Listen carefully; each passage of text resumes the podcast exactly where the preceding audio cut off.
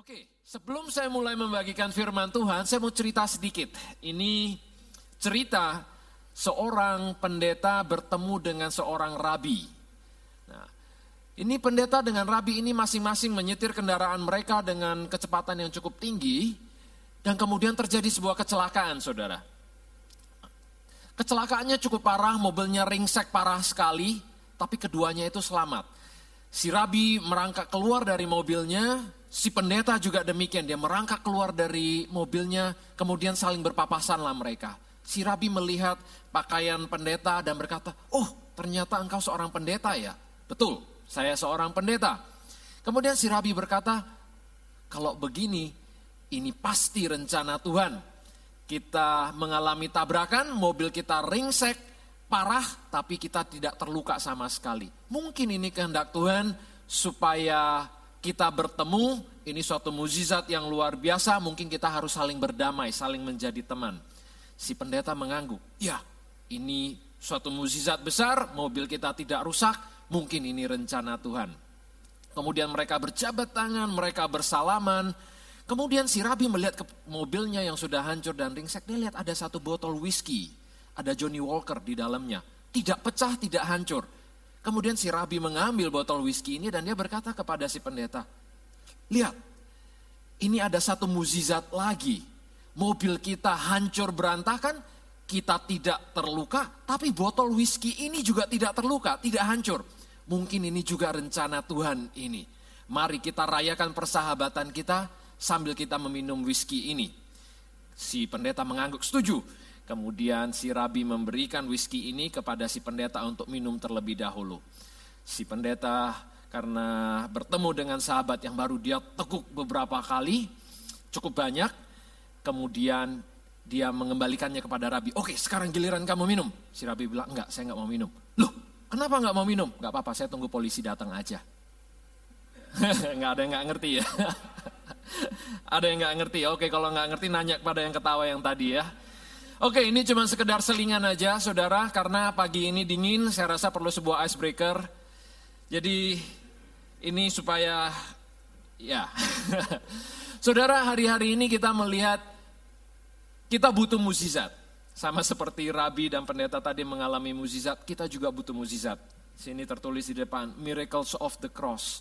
Siapa yang butuh mukjizat hari ini? Banyak di antara kita yang butuh mukjizat hari ini beberapa uh, sekitar empat minggu, lima minggu yang lalu kami diteleponi oleh seorang teman. Ini bukan teman kami langsung, tapi temannya uh, sepantaran sekitar umur 39-an, 38, 39 umurnya. Anaknya baru berumur 6 tahun. Dikatakan bahwa anaknya itu terkena brain tumor. Dan difonis oleh dokter itu sudah tinggal 6 bulan.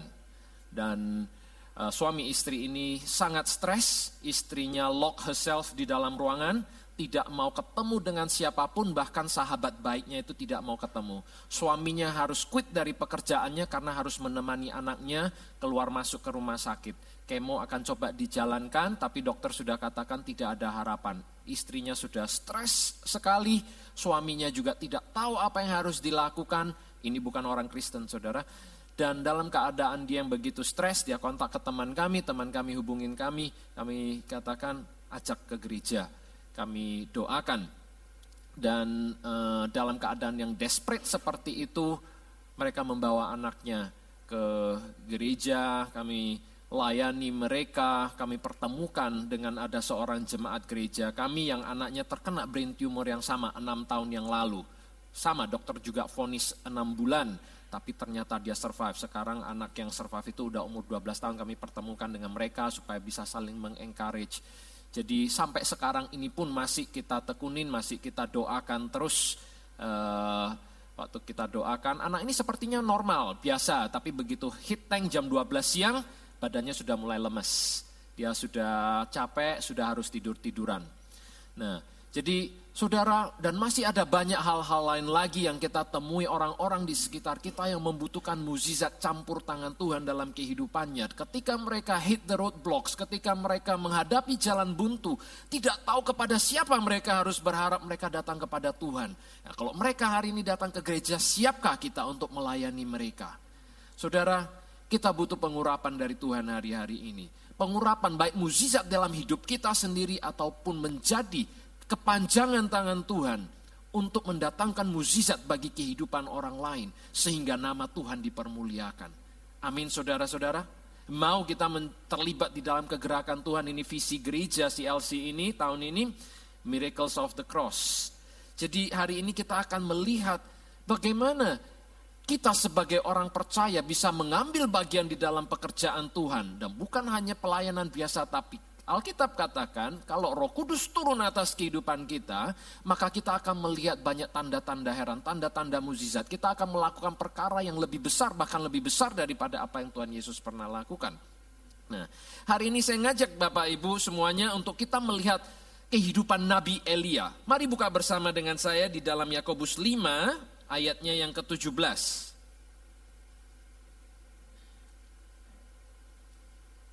Yakobus 5 ayatnya yang ke-17 saya bacakan demikian. Ada slide di atas? Belum? Saya bacakan demikian sambil Bapak Ibu bisa melihat di atas. Elia adalah manusia biasa sama seperti kita dan ia telah bersungguh-sungguh berdoa. Garis bawah bersungguh-sungguh berdoa supaya hujan jangan turun dan hujan pun tidak turun di bumi selama tiga setengah tahun. Tiga tahun dan enam bulan. Hari ini saya akan mengajak kita semua untuk melihat pada kehidupan Nabi Elia. Bagaimana seorang Nabi Elia yang dikatakan di dalam kitab Yakobus adalah manusia biasa, sama seperti kita semua di sini.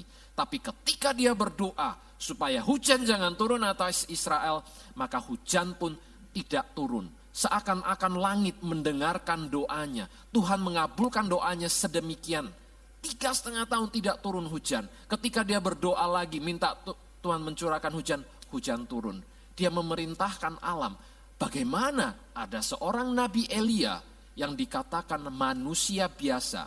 Dia bukan Superman, dia bukan uh, Spider-Man, apalagi Batman. Alkitab katakan manusia biasa, ordinary man. Ketika uh, pada zaman itu Elia dikenal sebagai nabi besar. Ketika Yesus bertemu kepada murid-muridnya, Yesus pernah bertanya, "Menurut engkau, siapakah aku ini?" Sehingga tidak heran murid-muridnya ada yang menjawab, "Mungkin engkau itu Elia." Nah, ketika Yesus berubah wujudnya di Mount of Transfiguration, Yesus berbicara kepada dua orang. Siapa itu? Musa dan Elia. Perhatikan saudara, Elia itu adalah orang yang hubungannya itu begitu erat, begitu intim dengan Tuhan. Sampai-sampai orang Israel mengira mungkin Yesus ini adalah uh, reinkarnasinya Elia ini, mungkin jelmaannya Elia. Sebegitu dahsyatnya Elia, tapi dia disebut sebagai orang biasa. Kalau saudara baca di dalam Ibrani 11, daftar nama-nama orang yang beriman, di situ kita akan temui namanya Henok, di situ kita temui namanya Habel, di situ kita temui namanya Nabi Nuh, Abraham, Ishak, Yakub, Yusuf, bahkan perempuan sundal, Rahab itu masuk di dalam daftar nama orang beriman, tapi nama Elia tidak ada di dalamnya. Surprise kah kita? Ketika saya membaca Ibrani 11, daftar nama-nama orang yang beriman, nama Elia tidak ada di dalamnya. Padahal kita kalau lihat pelayanannya Elia itu semua disertai dengan tanda-tanda mukjizat. Dia adalah orang pertama yang membangkitkan janda di Sarfat yang anaknya meninggal itu dia bangkitkan kembali. Bayangkan saudara, imannya sedemikian, Alkitab tidak mencatat namanya sebagai orang beriman. Bahkan Yakobus mencatat dia sebagai manusia biasa. Saya rasa ada pengertian rohani di sini yang kita semua patut untuk mengerti bahwa apa yang ingin Tuhan sampaikan kepada kita ketika kita mempelajari kehidupan Elia, bahwa Elia kita sama seperti Elia itu manusia biasa. Tuhan ingin supaya kita mengerti bahwa kita itu bisa sama seperti Elia yang manusia biasa tapi bisa berdoa dan mukjizat itu pun terjadi. Tuhan ingin memberi impression bahwa Elia itu bukan seorang yang super imannya. Nah, message yang Tuhan ingin katakan kepada kita itu simple, bahwa kita bisa melakukan apa yang Elia lakukan. Ingat tadi saya katakan eh, sebelum eh, Yesus pernah katakan bahwa kita akan melakukan pekerjaan yang lebih besar, bahkan lebih besar dari apa yang pernah Yesus lakukan. Ada tiga hal yang Tuhan izinkan terjadi dalam hidupnya Elia yang membuat kenapa pelayanannya dan hidupnya itu selalu ditandai dengan tanda-tanda mukjizat dan tanda-tanda heran. Apa saja tiga hal ini? Nah, itu yang akan kita lihat, itu yang akan kita kupas hari ini. Sebenarnya ada beberapa hal, ada lima, tapi hari ini saya akan kompres jadi tiga. Karena berapa kali saya share kalau poinnya sudah lebih dari tiga, kalau ditanyain pasti orang udah lupa. Paling mentok orang ingatnya tiga, jadi saya short jadi tiga aja. Hal yang akan kita pelajari dari kehidupan Elia hari ini, Tiga kunci yang akan mendatangkan mukjizat dalam kehidupan kita dan dalam kehidupan orang-orang yang ada di sekitarnya kita. Yang pertama, mari baca bersama dengan saya. Di dalam satu Raja-Raja 17,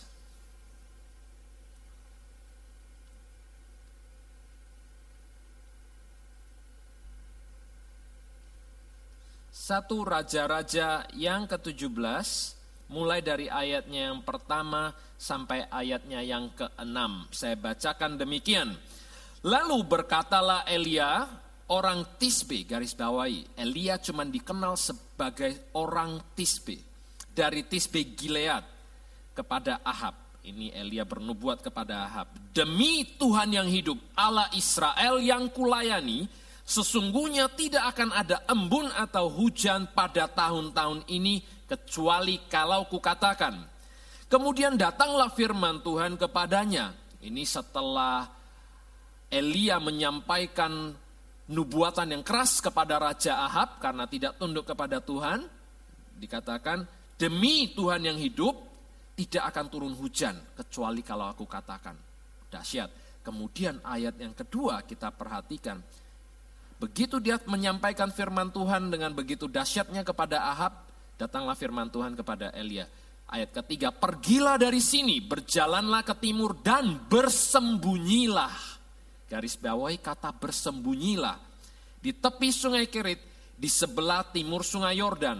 Engkau dapat minum dari sungai itu, dan burung-burung gagak telah kuperintahkan untuk memberi makan engkau di sana.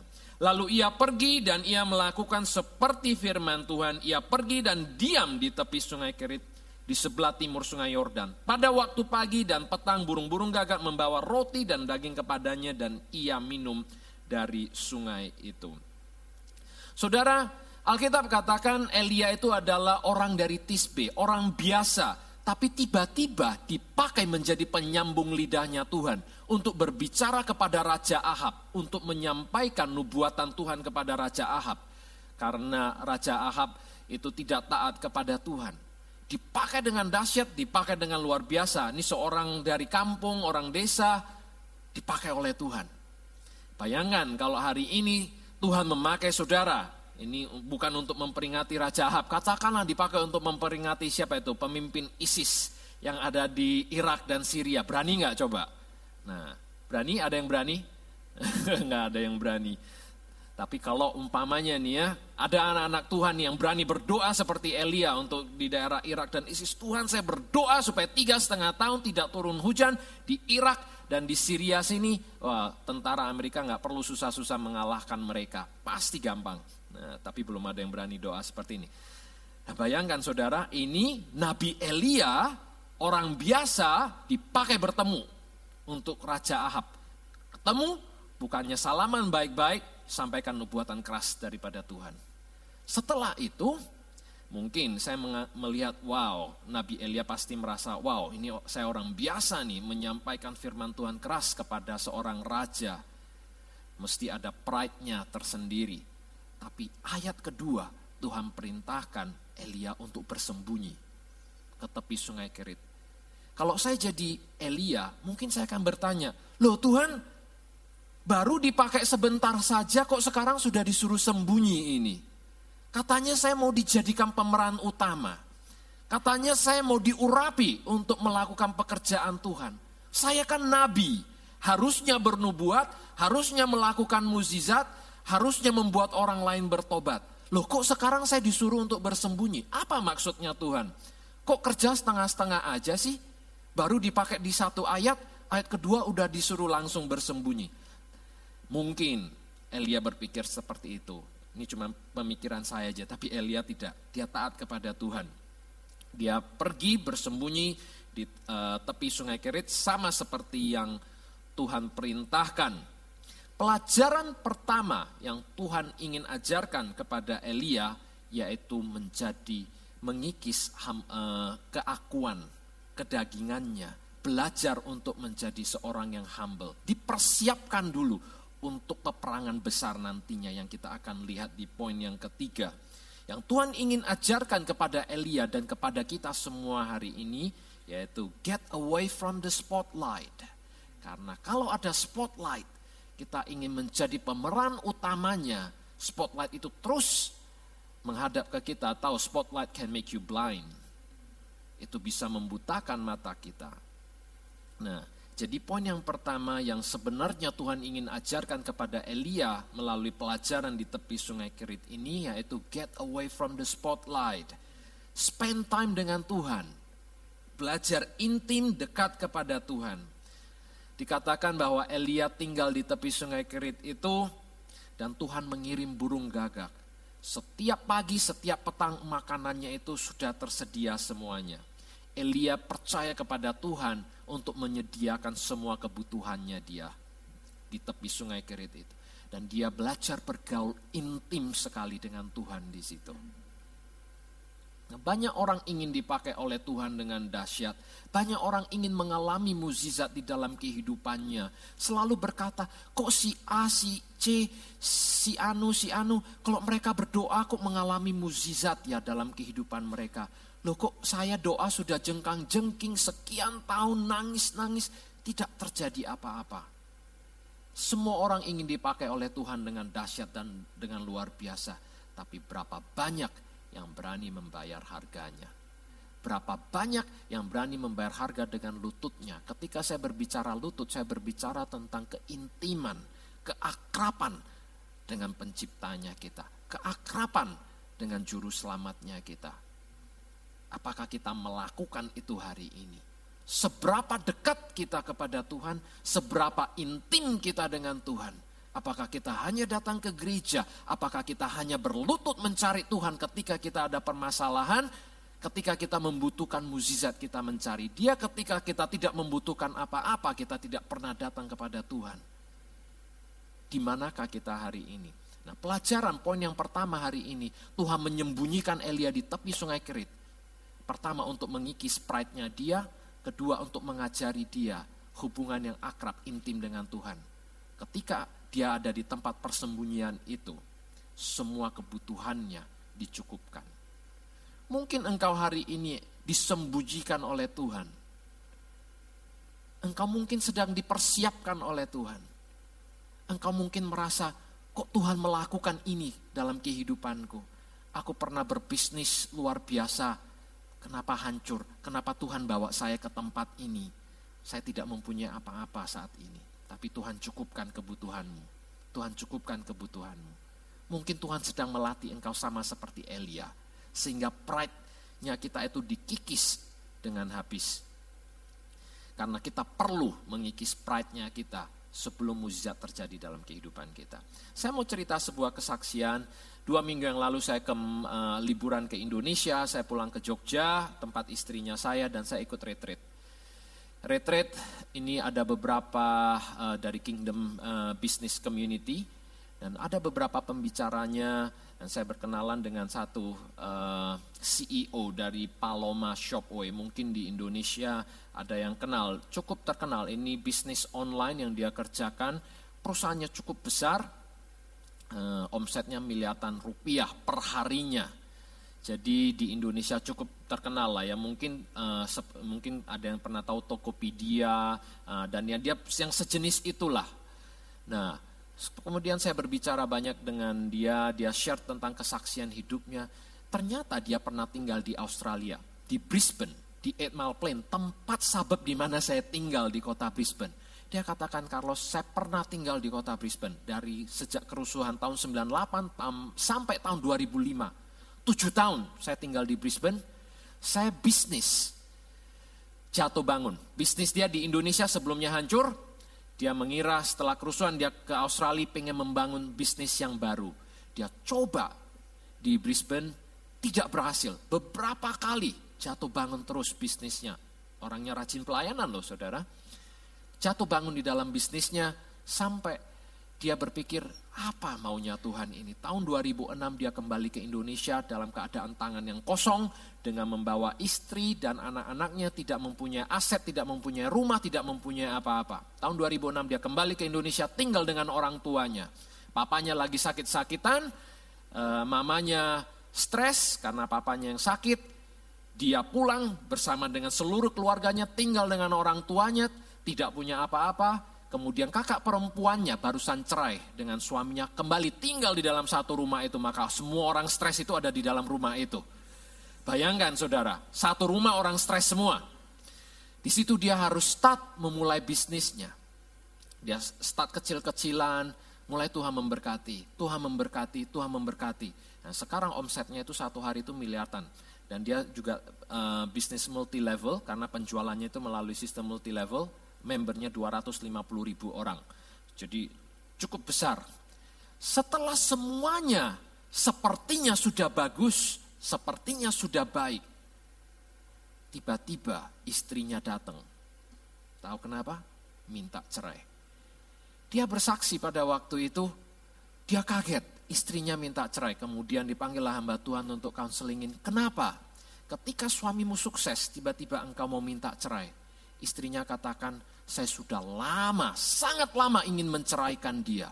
Tapi saya tidak berani menceraikan dia kalau bisnisnya masih gagal. Saya tidak mau dikatain orang meninggalkan suami ketika suami dalam keadaan kesulitan, ketika suami dalam keadaan yang terpuruk. Sekarang bisnisnya sudah maju, keadaan keuangan finansial sudah mapan, makanya ini waktunya saya ingin meninggalkan dia. Dia kaget. Ternyata hidupnya selama ini, si suami ini namanya Bapak Junaidi. Junaidi Lee, bisa cek di uh, internet, nama company-nya, kesaksi, uh, ininya. Ternyata dia itu seorang yang sangat keras sekali. Dia tidak dekat dengan istrinya, adanya cuma perintah-perintah saja. Dia tidak dekat dengan anaknya, orangnya sangat otoriter, orangnya sangat uh, demanding sekali.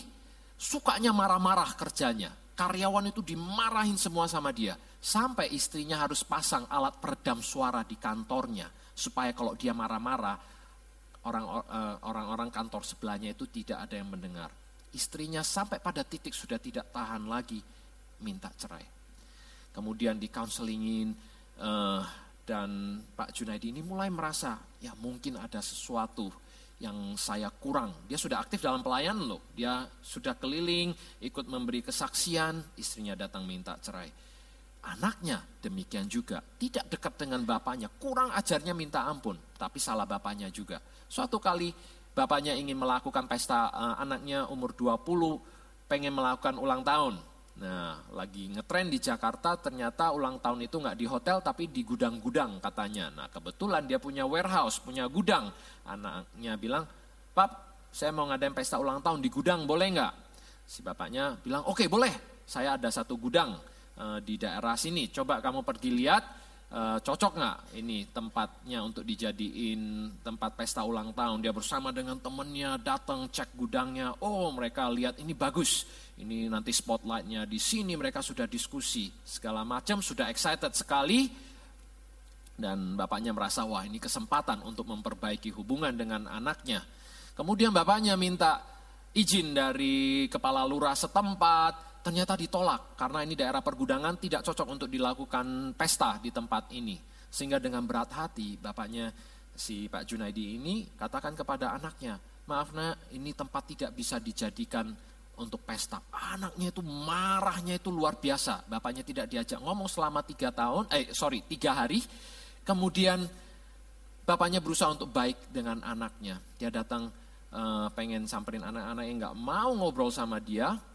Sampai suatu kali uh, bapaknya panggil dia, dia bilang, Dad, Dia panggil dad.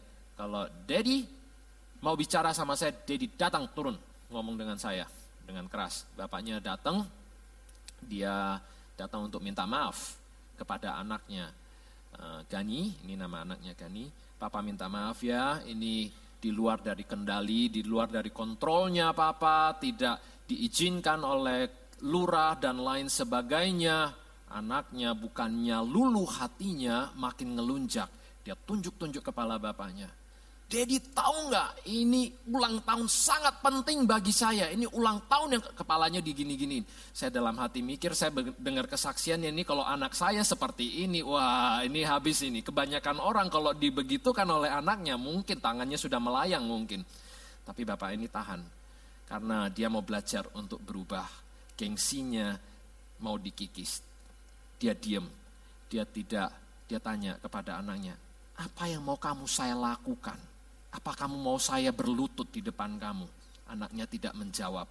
Kemudian bapak ini naik ke atas kamarnya dan tidak terjadi conversation selama beberapa hari lagi. Tiba-tiba keadaan berubah seperti membalikan telapak tangan. Berapa hari kemudian anaknya pulang dari kuliah, say hi. Hi dad. Bapaknya Pak Junaidi ini bingung, oh ada apa ini? Dan kemudian berapa hari kemudian terjadi discussion yang tambah lama tambah akrab. Bapaknya makan pagi, sarapan, anaknya datang duduk. Makan di depannya. Terjadi suatu discussion dan lain sebagainya. Si Pak Junaidi ini dia juga bingung apa yang sedang terjadi. Dia nggak mengerti. Kemudian sebulan kemudian ya, mereka sudah tidurnya pisah suami istri. Istrinya tiba-tiba masuk ke kamarnya. Menyenderkan kepalanya ke bahu bapak ini lebih kaget lagi, wow ini ada apa-apaan lagi nih. Di situ istrinya bercerita. Tahu nggak, saya sudah minta tanda dari Tuhan pada waktu itu. Kalau hari pada waktu anak perempuan mereka itu memanggil bapaknya turun, kalau bapak digini-giniin, kalau bapaknya marah, itu tanda bagi dia, dia akan menceraikan. Ternyata dengan lembut si Pak Junaidi ini tidak membalas, tidak memarahi anaknya, bagi istri ini cukup sebagai tanda bahwa ya yeah, he is a change man. Dia orang sudah berubah dan dia willing untuk uh, menerima kembali suaminya. Baru-baru ini mereka melakukan ulang tahun surprise party yang dilakukan oleh anaknya. Dia tunjukin foto-fotonya. Temanya from Hitler to Charlie Chaplin tulisannya.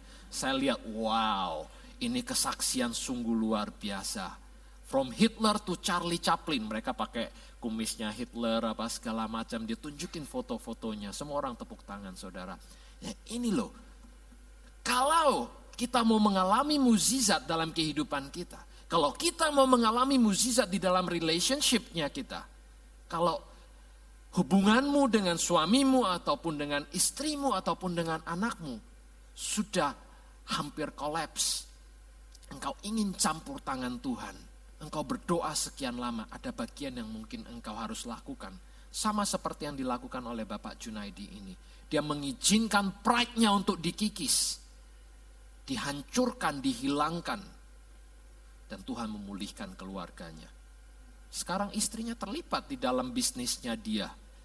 Anak-anaknya mendukung. Kalau lihat di website, uh, Paloma Shopway, bagian kolom about us di situ terpampang foto dia, istrinya, dan timnya semuanya.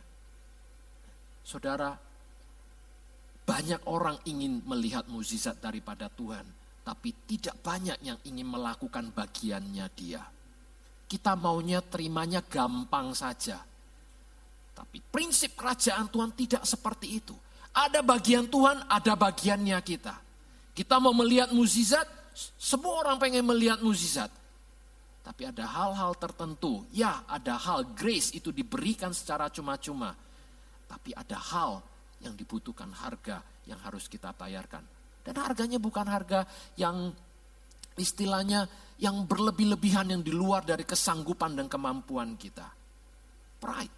Kalau kita mau belajar mengikis pride-nya kita, kita bisa melihat. Oke, kita lanjutkan yang kedua. Baca bersama dengan saya di satu Raja-Raja 17 ayat ke-9. Jadi poin yang pertama untuk melihat mukjizat, yang pertama gengsi kita, pride-nya kita, egonya kita itu harus dikikis. Poin yang kedua, satu Raja-Raja 17 masih di pasal yang sama ayat yang ke-9. Actually kita baca dulu ayat yang ke-7. nah, tetapi sesudah beberapa waktu sungai itu menjadi kering. Tadi di tepi sungai Kerit tiba-tiba sungai Kerit menjadi kering. Tadinya Elia minum dari air sungai tersebut, makanan disediakan oleh burung gagak. Tiba-tiba sungai itu menjadi kering.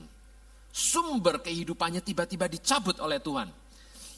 Ayat ke-8, maka datanglah firman Tuhan kepada Elia, bersiaplah pergi ke Sarfat yang termasuk wilayah Sidon dan diamlah di sana. Ketahuilah aku telah memerintahkan seorang janda untuk memberi engkau makan. Oke, sampai di situ dulu nanti kita akan lanjutkan lagi ceritanya. Nah, tadi saya katakan di tepi sungai Kerit si Nabi Elia setiap pagi dan petang burung gagak membawa roti dan daging buat uh, Elia sementara di tempat lain itu semua terjadi kekeringan. Hanya di tepi sungai Kerit itu itu ada sungai yang mengalir. Luar biasa kan? Di tempat persembunyian Tuhan sediakan semua kebutuhan kita. Tapi ada pada titik tertentu ketika Tuhan ingin mengangkat kita ke level yang berikutnya, ke tes yang berikutnya, sumber penghidupannya itu dicabut untuk melatih imannya, dites apakah selama ini ini yang dia anggap sebagai security-nya dia apa yang terjadi kalau security-nya itu diambil. Satu-satunya sumber kehidupannya tiba-tiba hilang dan Tuhan membawa Elia ke pelajaran berikutnya supaya imannya di stretch. Nah, ini yang terjadi di Sarfat. Sarfat berasal dari uh, kata Ibrani yang artinya melelehkan ataupun melebur nounsnya, kata bendahnya sarfat itu artinya crucible. Nah, crucible itu artinya tem kalau uh, ada orang yang memurnikan emas, saya bekerja di tambang cukup lama, tambang emas. Kalau kita ingin mendapatkan emas murni, kita masukkan ke dalam tungku perapian sampai semuanya meleleh, semuanya menjadi emasnya cair oleh perbedaan densitas uh, emas yang murni itu akan mengalir ke bawah, kemudian bagian-bagian yang lainnya, mungkin ada silver, ada bagian yang lain itu akan terpisah menurut uh, titik leburnya karena dipanaskan pada titik lebur yang berbeda. Kemudian emas yang murni itu akan dikumpulkan di dalam crucible itu. Nah, tempat penampungan. Nah, sarfat itu artinya crucible, bagian dari tungku perapian di mana logam mulia itu ditampung itu artinya sarfat. Ini memiliki pengertian rohani. Sarfat itu adalah tempat di mana terjadi pemurnian imannya kita. Dan Elia imannya dimurnikan di Sarfat. Apa yang terjadi selama pelayanan Elia di Sarfat? Yang pertama, kita harus mengerti bahwa perjalanan dari tepi sungai Kerit sampai ke Sarfat itu lebih kurang 150 kilometer. Dan pada waktu itu tidak ada mobil, tidak ada kendaraan untuk berjalan kaki 150 km. Itu bukan perjalanan yang gampang. Dan itu mereka harus melewati uh, bush, hutan dan lain sebagainya. Nah, dan mereka Elia untuk sampai ke Sarfat ingat bahwa dia sedang dikejar oleh Raja Ahab perjalanan 150 km sangat terbuka kemungkinan untuk dia ditemukan oleh pegawainya Ahab karena pegawainya Ahab itu sedang uh, ingin mencari dan menangkap Elia. Jadi di situ dia harus exercise imannya dia ketika Tuhan katakan, "Hey, pergi ke Sarfat." Dia mungkin bisa protes kepada Tuhan. Tuhan Sarfat kan jauh 150 km lagi. Bagaimana kalau nanti saya ketemu dengan tentaranya Ahab? Saya bisa ditangkap, saya bisa dipotong kepala saya. Tapi dia taat kepada Tuhan karena dia sudah belajar proteksi daripada Tuhan. Kemudian Tuhan katakan, ketika engkau sampai ke Sarfat nanti, engkau akan bertemu dengan seorang janda. Ya kan tadi kita baca di ayatnya ke-9, eh, di situ Tuhan perintahkan seorang janda yang akan memberi dia makan. Itu di ayatnya yang ke-9. Nah, ayatnya yang ke-10, Sesudah itu ia bersiap lalu pergi ke Sarfat. Setelah sampai ke pintu gerbang kota itu, tampaklah di sana seorang janda sedang mengumpulkan kayu api. Ia berseru kepada perempuan itu katanya, cobalah ambil bagiku sedikit air dalam kendi supaya aku minum.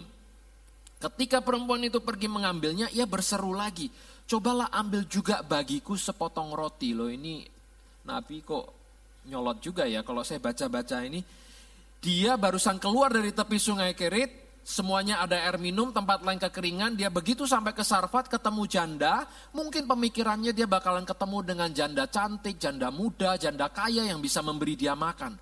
Ternyata dia ketemu dengan janda tua yang miskin yang sedang mengumpulkan kayu bakar api. Ternyata si janda ini sedang mempersiapkan the last. Karena apa yang dia miliki itu untuk makan dia bersama anaknya yang terakhir.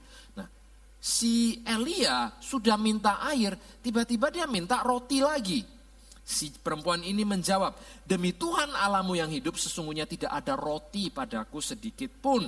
Kecuali segenggam tepung dalam tempayan dan sedikit minyak dalam buli-buli. Dan sekarang aku sedang mengumpulkan dua tiga potong kayu api, kemudian aku mau pulang dan mengolahnya bagiku dan bagi anakku dan setelah kami memakannya, maka kami akan mati. Kemudian Elia berkata kepadanya, janganlah takut pulanglah, buatlah seperti yang kau katakan. Tuh, maksudnya apa tuh? Buatlah seperti apa yang engkau katakan, masak, makan, biar mati gitu ya mungkin maksudnya ya. Buatlah seperti apa yang kau katakan, tapi lah bu, tetapi buatlah lebih dahulu bagiku sepotong roti. Saya nanti mikir ini pelajaran di Sungai Kerit kayaknya belum sempurna ini tadi mengikis keegoannya. Dia bilang, e, Buatlah seperti yang kau katakan, buatlah lebih dahulu bagiku sepotong roti bundar kecil daripadanya. Dan bawalah kepadaku, kemudian barulah kau buat bagimu dan bagi anakmu. Sebab beginilah firman Tuhan Allah Israel, tepung dalam tempayan itu tidak akan habis dan minyak dalam buli-buli itu pun tidak akan berkurang sampai pada waktu Tuhan memberi hujan ke atas muka bumi. Lalu pergilah perempuan itu dan berbuat seperti yang dikatakan Elia, maka perempuan itu dan dia serta anak perempuan itu mendapat makanan beberapa waktu lamanya. Dan tepung dalam tempayan itu tidak habis dan minyak dalam buli-buli itu tidak berkurang seperti firman Tuhan yang diucapkannya dengan perantaraan Elia. Saudara, apa yang sebenarnya terjadi di sini? Ada sebuah mukjizat lagi yang menyertai pelayanannya Elia. Sesungguhnya Elia ingin berkata, hey let's trust God day by day. Semua kebutuhan kita akan dia penuhi. Tadi di sungai Kerit dia sudah lihat bagaimana daerah lain kekeringan, dia bisa minum sepuasnya. Bahkan dia bisa makan all you can eat sepuasnya. Burung gagak yang datang, bawa daging, bawa roti. Hamburger berarti kan? Ada daging, ada roti, saya bayangin itu. Wah itu kalau dikepit jadi hamburger. Setiap hari dia dapat makanan itu, all you can eat dicukupkan oleh Tuhan. Dia belajar itu di Sungai Kerit. Ketika dia berhadapan dengan janda dari Sarfat ini, dia sudah tahu hal yang sama itu juga bisa terjadi dan dia berdoa dan dia minta dan Tuhan mengabulkannya. Maka minyak dan tepung dari janda ini tidak pernah habis. Jadi kemudian yang ketiga, muzizat yang lain lagi, ayatnya yang ke-17. Ini ini saya rangkumkan saja, kita tidak perlu baca. Ini ceritanya perempuan pemilik rumah itu, yaitu anak dari janda itu jatuh sakit. Dan sakitnya sangat keras sampai akhirnya anaknya itu meninggal. Perempuan ini komplain kepada Nabi Elia, apa yang kau lakukan terhadap aku? Engkau datang sekarang, engkau mendatangkan, mengingatkan aku atas dosa-dosaku, dan sekarang anak saya meninggal. Nah, kemudian ayat 20, si Elia berseru kepada Tuhan katanya, "Ya Tuhan Allahku, apakah engkau menimpakan kemalangan ini atas janda ini juga yang menerima aku sebagai penumpang dengan membunuh anaknya?" Lalu ia mengunjurkan badannya di atas anak itu tiga kali dan berseru kepada Tuhan. Katanya, ya Tuhan Allahku, pulangkanlah kiranya nyawa anak ini ke dalam tubuhnya. Bayangkan dia doa seperti itu pulangkanlah nyawa anak ini ke dalam tubuhnya. Saudara, ini bukan doa asal doa. Dia saya nggak tahu dia belajar dari mana ini, karena ini adalah kejadian pertama sekali ada orang mati dibangkitkan.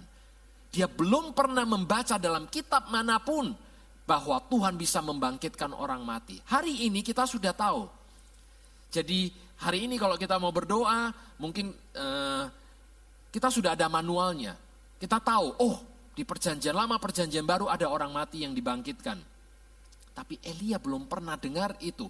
Dia belum ada buku panduannya, dia belum ada buku manual bagaimana cara berdoa bagi orang mati supaya dibangkitkan. Dia hanya mengandalkan hubungan intimnya dengan Tuhan, dia hanya mengandalkan imannya kepada Tuhan. Tuhan, kembalikan nyawa anak ini ke dalam tubuhnya. Dan Tuhan mendengar doanya. Bayangkan, doa yang konvensi pada waktu itu tidak lazim orang berdoa seperti itu. Tapi dia berdoa demikian dengan penuh iman dan Tuhan melakukannya. Apa yang mustahil bagi kita hari ini? Apakah engkau mengalami, roadblocks, engkau mengalami halangan, tantangan dalam kehidupanmu? Apa pun itu, beranikah engkau berdoa kepada Tuhan? Apa yang belum pernah didoakan oleh orang lain? Apa yang secara manusia sepertinya tidak mungkin? Tapi kalau engkau berani berdoa itu kepada Tuhan dengan iman, itu akan terjadi. Alkitab katakan, kalau kita memiliki iman sebesar biji sesawi saja, kita dapat berkata kepada gunung itu uh, untuk teranjak, gunung itu akan teranjak, saudara. Kalau kita punya iman, oke? Okay? Sesungguhnya yang Elia ingin katakan kepada kita hari ini supaya kita belajar percaya kepada Tuhan. Elia berkata, Lord I'm trusting you for a miracle. I'm asking you to perform the impossible. Dan ini yang hari ini kita perlu lakukan. Iman. Kita perlu men-stretch imannya kita. Saya percaya miracle demi miracle terjadi di dalam pelayanannya Nabi Elia karena dia sudah terlebih dahulu dilatih di Sungai Kerit untuk mengikis pride-nya dia, untuk mematikan keegoannya dia. Dan sekarang yang dia lakukan yaitu supaya nama Tuhan ditinggikan. Ini penting saudara. Sering kita ingin muzizat terjadi dalam kehidupan kita. Tujuannya bukan untuk memuliakan Tuhan, tujuannya itu selalu ke dalam. Saya perhatikan ada beberapa orang yang kesaksian, eh, ini maaf kata ya, seakan-akan dia itu hebat. Makanya mukjizat itu terjadi di dalam hidupnya. Kejadian yang baru-baru ini pesawat Air Asia jatuh.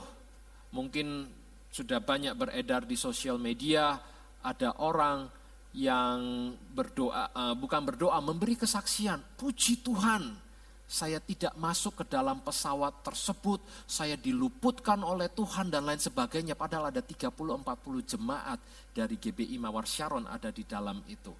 Nah, saya nggak katakan kesaksiannya dia itu salah. Cuma bagi saya itu tidak tepat pada tempatnya. Seakan-akan dia katakan bahwa ini loh, saya ini yang rohaninya Tuhan meluputkan saya. Dan itu ada 30 40 anak Tuhan di dalam situ itu yang bukan itu yang nggak diberkatin oleh Tuhan itu. Sehingga terjadilah kecelakaan yang seperti itu. Setiap kali miracle terjadi dalam kehidupan kita, ingat saudara, selalu tujuannya supaya nama Tuhan dipermuliakan. Bukan supaya orang melihat kepada kita, eh si itu hebat loh. Dia mengalami mukjizat seperti ini. Kalau kita mengalami mukjizat kemudian kita bersaksi supaya orang mengatakan kita hebat, Tanda tanya besar saudara. Tanda tanya besar.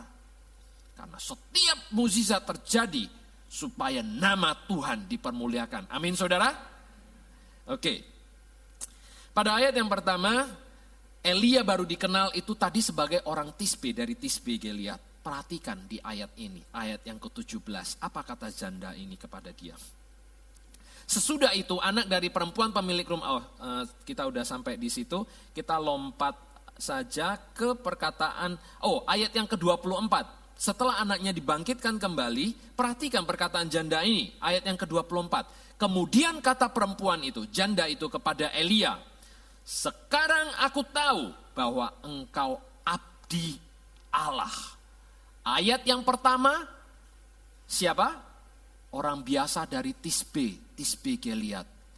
Ayat ke-24, ayat terakhir dari pasal 17 ini perempuan itu berkata, aku tahu engkau adalah abdinya Allah. Tadinya orang biasa dari Tisbe, Tisbe Geliat, ini sekarang abdinya Allah. Perempuan ini memuliakan Tuhan. Dia tahu mukjizat ini terjadi dan datangnya dari Tuhan. Makanya Elia disebut sebagai abdinya Allah. Selalu fokusnya kepada Tuhan. God centered, Jesus centered. Apakah kita Christ centered hari ini atau self centered? Karena bedanya kadang bisa tipis saudara.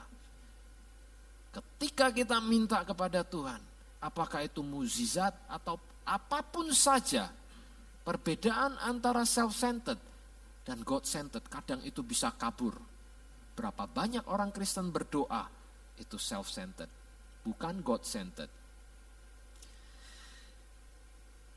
God is still the God of the impossible. Amin saudara. He is still the miracle working God. Dia masih Tuhan yang melakukan muzizat, dia masih Tuhan yang melakukan hal-hal yang tidak mungkin menjadi mungkin. Yang kita butuhkan poin yang kedua itu yaitu iman. Tadi yang pertama mengikis pride-nya kita, keegoan kita. Yang kedua dibutuhkan iman. Pelajaran iman mungkin nanti di berikutnya lagi ya. Kemudian yang ketiga, ini yang terakhir, ini pelajaran di Gunung Karmel. Yang pertama pelajaran di tepi sungai Kerit, yang kedua di Sarfat, ini yang ketiga di Gunung Karmel. Setelah disembunyikan oleh Tuhan selama tiga setengah tahun, di sungai Kerit dan di Sarfat, waktunya sudah siap bagi Elia keluar dari bootcampnya, Tuhan perintahkan Elia, sekarang perlihatkan dirimu kepada Ahab. Elia menantang Ahab untuk bertarung dengan nabi-nabi Baalnya. Ini pertarungan luar biasa, Bapak Ibu. Ini pertarungan akbar. Ini belum pernah terjadi di seluruh Israel. Ini pertarungan antara nabi Tuhan dengan nabinya Baal. Pertandingannya apa? Pertandingannya itu untuk memanggil api dari surga. Nah, Tuhan siapa yang akan menjawab? Ini saya percaya ketika ini diumumkan ke seluruh Israel, mesti semuanya gempar. Oh, akan dilakukan suatu pertandingan akbar. Nah, ini kalau ada stasiun televisi pada waktu itu mungkin semua stasiun televisi berhenti menayangkan acara rugby uh, yang apa blues lawan uh, state of origin itu semuanya berhenti digantikan dengan ini FIFA World Cup ganti dengan Fire World Cup ini. Ini pertandingan luar biasa. Nah, ketika itu Elia memberikan nabi-nabi Baal ini untuk duluanlah ini Kalian coba dulu panggil Tuhanmu, mereka berdoa seharian, mereka sembahyang seharian. Dikatakan di dalam firman Tuhan di dalam satu Raja-Raja 18, kita buka aja deh, satu Raja-Raja 18 ayat 22 sampai ayatnya ke-24. Lalu Elia berkata kepada rakyat itu, uh, sorry,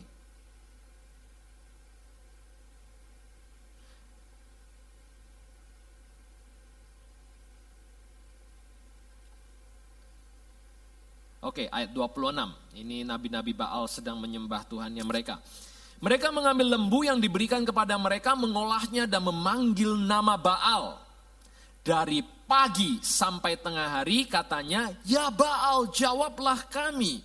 Tetapi tidak ada suara, tidak ada yang menjawab. Sementara itu mereka berjingkat-jingkat di sekeliling mesbah yang dibuat mereka itu. Perhatikan, pada waktu tengah hari Elia mulai mengecek mereka katanya, panggillah lebih keras, bukankah dia Allah? Mungkin ia merenung, mungkin ada urusannya. Oh, diajak ya. Mungkin ia selagi bepergian, lagi shopping, mungkin barangkali ia lagi tidur. Oh, dia makin menjadi-jadi ini. Dan belum terjaga. Nah, saudara, hari ini kita memanggil kepada Baal atau kepada Tuhannya kita, kadang bedanya itu bisa tipis, saudara. Orang-orang nabi-nabi Baal ini percaya mereka menyembah Tuhan yang benar. Mereka panggil Baal mereka dengan begitu seriusnya. Berharap Baal itu akan menurunkan apinya. Mereka bahkan sambil menoreh-noreh dirinya dikatakan di situ. Tapi tidak ada jawaban. Tidak ada jawaban dari Baal. Tidak ada jawaban sama sekali. Singkat cerita, giliranlah Elia. Nah, itu ada di satu Raja-Raja 18 ayat 30 sampai ayatnya yang ke-40 di situ cerita bagaimana Elia memanggilkan berdoa dan Tuhan menjawab doanya. Saya bacakan supaya kita mengerti aja ya. Kata Elia kepada seluruh rakyat itu, datanglah dekat kepadaku. Maka mendekatlah seluruh rakyat itu kepadanya. Lalu ia memperbaiki mesbah Tuhan yang telah diruntuhkan itu. Dia perbaiki dulu mesbahnya Tuhan. Ini penting dicatat. Kemudian Elia mengambil 12 batu menurut jumlah suku keturunan Yakub kepada Yakub ia telah da, uh, kepada Yakub ini telah datang firman Tuhan, engkau akan bernama Israel. Oke, lanjut 32. Ia mendirikan batu-batu itu menjadi mesbah demi nama Tuhan dan membuat suatu parit sekeliling mesbah itu yang dapat memuat dua sukat benih. Ia menyusun kayu api, memotong lembu itu dan menaruh potongan-potongannya di atas kayu api. Sesudah itu ia berkata, penuhilah empat buyung dengan air dan tuangkan ke atas korban bakaran dan ke atas kayu api itu. Kemudian katanya buatlah begitu untuk kedua kalinya. Dan mereka berbuat begitu untuk kedua kalinya. Kemudian katanya buat begitu untuk ketiga kalinya. Sehingga air mengalir sekeliling mesbah itu. Bahkan parit itu pun penuh dengan air. Berarti total 12 buyung. Oke kita lanjut.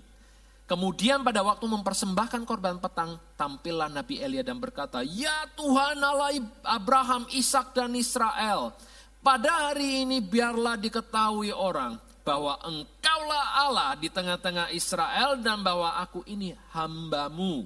Dan bahwa atas firman mula aku melakukan segala perkara ini. Jawablah aku ya Tuhan, jawablah aku supaya bangsa ini mengetahui bahwa engkaulah Allah ya Tuhan dan engkaulah yang membuat hati mereka tobat kembali. Lalu turunlah api Tuhan menyambar habis eh, korban bakaran, kayu api, batu dan tanah itu. Nah perhatikan garis bawah ini. Bahkan air yang dalam paret itu habis dijilatnya. Ketika seluruh rakyat melihat kejadian itu, sujudlah mereka serta berkata, Tuhan dialah Allah Tuhan dialah Allah sampai dua kali. Kata Elia kepada mereka, tangkaplah nabi-nabi Baal itu, seorang pun dari mereka tidak boleh luput. Setelah ditangkap Elia membawa mereka ke sungai Kison dan menyembelih mereka di sana. Perhatikan saudara, ada beberapa hal yang menarik dari perikop yang barusan kita baca. Bagaimana ketika Elia berdoa dan Tuhan menyambar korban bakarannya itu. Tahukah saudara apa yang membuat Tuhan menjawab doa Elia ini? Ada dua hal. Pertama yang kita harus mengerti tidak turun hujan atas negeri Israel berapa lama? Tiga setengah tahun. Lalu apa yang dilakukan oleh uh, Elia? Dia minta pertama-tama tuangkan empat buyung air. Tadi dia sudah buat parit di sekitar korban persembahan ini. Dia suruh gali parit, tuangkan empat buyung air tidak cukup dia tuangkan lagi empat buyung air. Tidak cukup dia tuangkan lagi empat buyung air. Di negeri yang sedang dilanda oleh kekeringan, 12 buyung air itu mungkin berarti sangat banyak sekali. Tapi Elia bersedia untuk mengorbankannya untuk Tuhannya. Kalau kita mau mempersembahkan korban bakaran kita kepada Tuhan, pastikan bahwa itu adalah korban bakaran yang terbaik. Dan Elia memberi yang terbaik. Sesuatu yang sangat langka pada waktu itu. Sesuatu yang sangat berharga pada waktu itu. Dia berikan sebagai korban persembahan. Dahsyat kan? Itu yang membuat Tuhan dikatakan sampai air ini. Ini sebenarnya kontes untuk melihat siapa Tuhan yang bisa mendatangkan api dan memakan korban persembahannya. Korban persembahannya ya dijilat uh, habis oleh api itu. Tapi air yang ada di sekeliling parit itu pun dijilat habis kata firman Tuhan. Karena menurut saya itu yang menyenangkan hati Tuhan. Yang paling berharga itu yang dikorbankan, yang dipersembahkan. Dan Tuhan berkenan atas korban itu. Dan Tuhan mencilat habis semuanya. Saudara, saya teringat Abraham ketika dia mengorbankan Ishak. Bukankah itu yang terbaik yang dia persembahkan kepada Tuhan? Dan lihat, Elia mempersembahkan air, dia menuai hujan. Abraham mempersembahkan anaknya, apa yang dia tuai? Bangsa-bangsa. Tuhan tidak pernah berhutang. Amin saudara. Mau kita mengalami mukjizat Tuhan? Elia dia korbankan yang paling berharga air. Tuhan curahkan hujan. Tiga setengah tahun tidak turun hujan. Akhirnya hujan turun. Abraham, anak kesayangannya dia. Yang dia tunggu sekian lama. Sampai masa tuanya. Dia tunggu sekian lama. Ketika dia sedang bersenang-senang bermain dengan anaknya. Tuhan katakan, saya mau anak kamu. Dengan berat hati, tapi rela. Dia persembahkan Ishak. Lihat apa yang dia dapat. Dia menuai bangsa-bangsa, saudara. Dia menuai bangsa-bangsa. Dahsyat kan Tuhannya kita itu? Saudara, kalau hari ini kita ingin melihat pekerjaan Tuhan yang dahsyat dalam kehidupan kita, pastikan kita berani melakukan bagiannya kita. Memang ada bagian-bagian tertentu yang sulit, tapi kalau kita setia, taat, percaya kepada Tuhan dan kita lakukan, percayalah saudara Tuhan tidak akan pernah berhutang kepada kita. Kita akan melihat perkara-perkara ajaib, kita akan melihat perkara-perkara besar, kita akan melihat perkara-perkara dahsyat yang akan Tuhan berikan dalam kehidupan kita.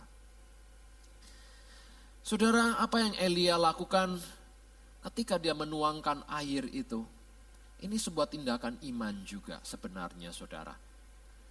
Kita semua tahu ini kontes untuk memanggil api turun, untuk membakar korban, uh, untuk ini supaya korbannya itu korban bakarannya itu disambut oleh Tuhannya. Nah, saya bayangkan kalau kayunya itu basah, kan lebih susah kan untuk dinyalakan apinya itu. Kalau kita ada kontes untuk menyalakan kayu bakar, kayu api, kita pasti akan cari kayu yang paling kering. Yang paling gampang untuk dinyalakan.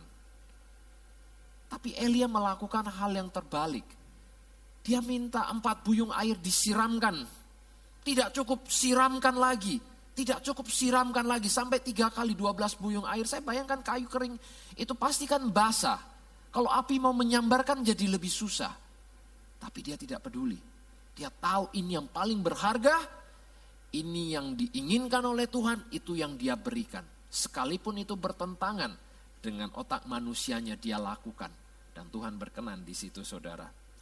Dia memberi yang terbaik kepada Tuhan. Dan kadang di dalam kita memberi yang terbaik kepada Tuhan, itu butuh a bit of resiko. Nah, kita perlu untuk membayar harganya, saudara. Tadi saya katakan salvation is free.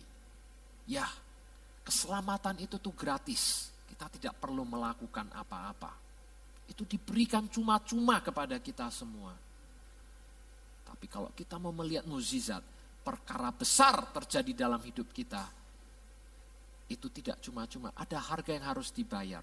Yesus telah membayar harganya, dia telah melakukan bagiannya dia. Tapi ada bagian yang harus kita lakukan sebelum kita melihat perkara-perkara besar. Maukah kita sama-sama, saya minta pemain musik untuk maju ke depan. Saya akan sampaikan firman Tuhan di sini, saya akan ajak kita untuk berdoa. Aplikasi dari poin yang ketiga ini adalah berikan yang terbaik saudara kepada Tuhan. Dalam hal finance, dalam hal pelayananmu, dalam hal karirmu, dalam hal keluargamu, dalam segala hal yang engkau kerjakan. Berikan yang terbaik untuk Tuhan. Kalau engkau dipanggil menjadi seorang suami, pastikan engkau seorang suami yang baik terhadap istrimu. Jangan disia-siakan. Kalau engkau dipanggil menjadi seorang ayah ataupun seorang ibu, pastikan engkau menjadi seorang ayah ataupun seorang ibu yang terbaik bagi anak-anakmu. Karena anak-anakmu itulah yang dititipkan oleh Tuhan. Kalau hari ini engkau seorang karyawan di perusahaan, pastikan engkau memberi yang terbaik kepada perusahaan tempat di mana engkau bekerja. Jangan datang telat kerja pulang pagi. Kalau bisa datang paling awal, pulang paling telat. Berikan yang terbaik saudara. Kalau engkau hari ini seorang pelayan Tuhan di gereja ini, pastikan engkau melakukan yang terbaik bagi gerejamu di tempat ini. Bukan untuk menyenangkan hamba Tuhannya, bukan untuk menyenangkan pendetamu, tapi untuk menyenangkan hati Tuhan. Karena engkau melakukan ini, semua yang ada di atas mimbar ini melayani melayani Tuhan yang hidup. Amin saudara, pastikan kita memberi yang terbaik. Mari kita tundukkan kepalanya, kita kita akan hampiri tata Tuhan. Thank you Jesus. Haleluya. Saudara, sebenarnya ada tempat yang keempat yang Tuhan membawa Elia. Yang pertama tadi sungai Kerit. Dia dilatih untuk mengikis keakuannya, kesombongan, kemanusiaannya dia. Tempat yang kedua, Elia dibawa ke Sarfat, di mana di situ terjadi pemurnian imannya. Kemudian Elia dibawa ke tempat yang ketiga, yaitu di Gunung Karmel. Di situ dia mempersembahkan yang terbaik kepada Tuhan dan Tuhan menjawab doanya. Lalu tempat yang keempat ini, setelah itu semua berakhir, Elia dibawa ke tepi sungai Yordan. Tahu apa yang terjadi di situ saudara? Di situlah Tuhan menjemput Elia dengan kereta api. Dengan kereta yang berapi dan kuda berapi. Elia naik ke surga di dalam angin badai itu. Dan tahukah saudara bahwa Elia itu adalah orang yang kedua diangkat oleh Tuhan hidup-hidup ke surga setelah Henok. Hidupnya begitu berkenan di mata Tuhan. Sampai Tuhan tidak bisa menanti proses alami yaitu kematian untuk bertemu dengan Elia. Sepertinya Tuhan sudah begitu tidak sabar menunggu kedatangan Elia. Sampai Tuhan berkata, kalau dia tidak pulang hari ini saya akan jemput dia. Bapak ibu saudara semuanya, saya tidak tahu apa yang saudara alami hari-hari ini. Mungkin engkau sedang mengalami sungai kerit. Engkau disembunyikan oleh Tuhan, engkau sedang dilatih untuk mengikis kemanusiaan, untuk mengikis egomu. Tuhan mungkin sedang melatih engkau untuk humble. Karena humbleness itu kunci untuk unlock the supernatural power. Tuhan tidak bisa memakai mereka yang keakuannya belum dikikis habis. Itu sebabnya engkau sedang ditempatkan di sungai kerit hari ini. Atau mungkin engkau mengalami sungai kerit yang sedang mengering engkau bingung bagaimana mencukupi kehidupanmu. Kehilangan finance-mu, finance-mu menjadi kering. Mungkin relationship-mu kering, karirmu kering. Engkau seakan-akan merasa Tuhan sudah melupakan engkau. Ketahuilah saudara, bahwa dia yang menulis kehidupan kita di telapak tangannya tidak pernah melupakan kita. Dia sedang merencanakan membawa kita ke Sarfat untuk memurnikan, mendewasakan imannya kita. Saudara, kalau engkau ingin melihat miracle terjadi dalam hidupmu, hari ini taruh tanganmu di sebelah dadamu. Nah, angkat sebelah tanganmu lagi kita akan menghampiri tahta Tuhan dan kita akan berdoa sungguh-sungguh. Minta campur tangan Tuhan.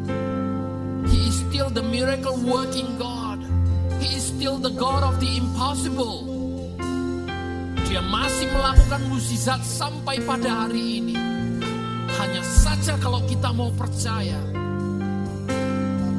Mari saya undang Bapak Ibu untuk bangkit berdiri. Angkat kedua belah tanganmu menghadap kepada surga. Ini momennya kita touching heaven. Tanganmu, menggapai kepada surga. Dia akan menjawab doamu pada hari ini. Bapak engkau lihat tangan-tangan yang terangkat ini. Tangan-tangan yang membutuhkan campur tangan ilahi. Tangan-tangan yang membutuhkan mukjizat di dalam kehidupan mereka Bapak hamba tahu engkau tidak akan tinggal diam melihat. Engkau tidak akan tinggal diam ketika engkau melihat air mata yang tercucurkan ini. Dan engkau tidak akan berlambat-lambat. Hamba tahu engkau akan menjawab doa anak-anakmu di tempat ini. Apa pun yang menjadi pergumulannya. Hamba berdoa supaya mukjizat yang daripada Tuhan turun hari ini di dalam nama Tuhan Yesus Kristus. Dalam nama Tuhan Yesus Kristus. Klaim janji Tuhan hari ini saudara. Dia telah bayar lunas ketika Yesus mati di atas kayu salib. Semuanya sudah dibayar lunas. Dia katakan sudah selesai. Sudah selesai. Semua pergumulanmu Yesus katakan sudah selesai. Dia sudah membayar harganya. Dan hari ini engkau klaim, engkau angkat tanganmu dan katakan, Tuhan, aku butuh mukjizatmu. Dan itu akan terjadi di dalam nama Yesus. Dalam nama Yesus.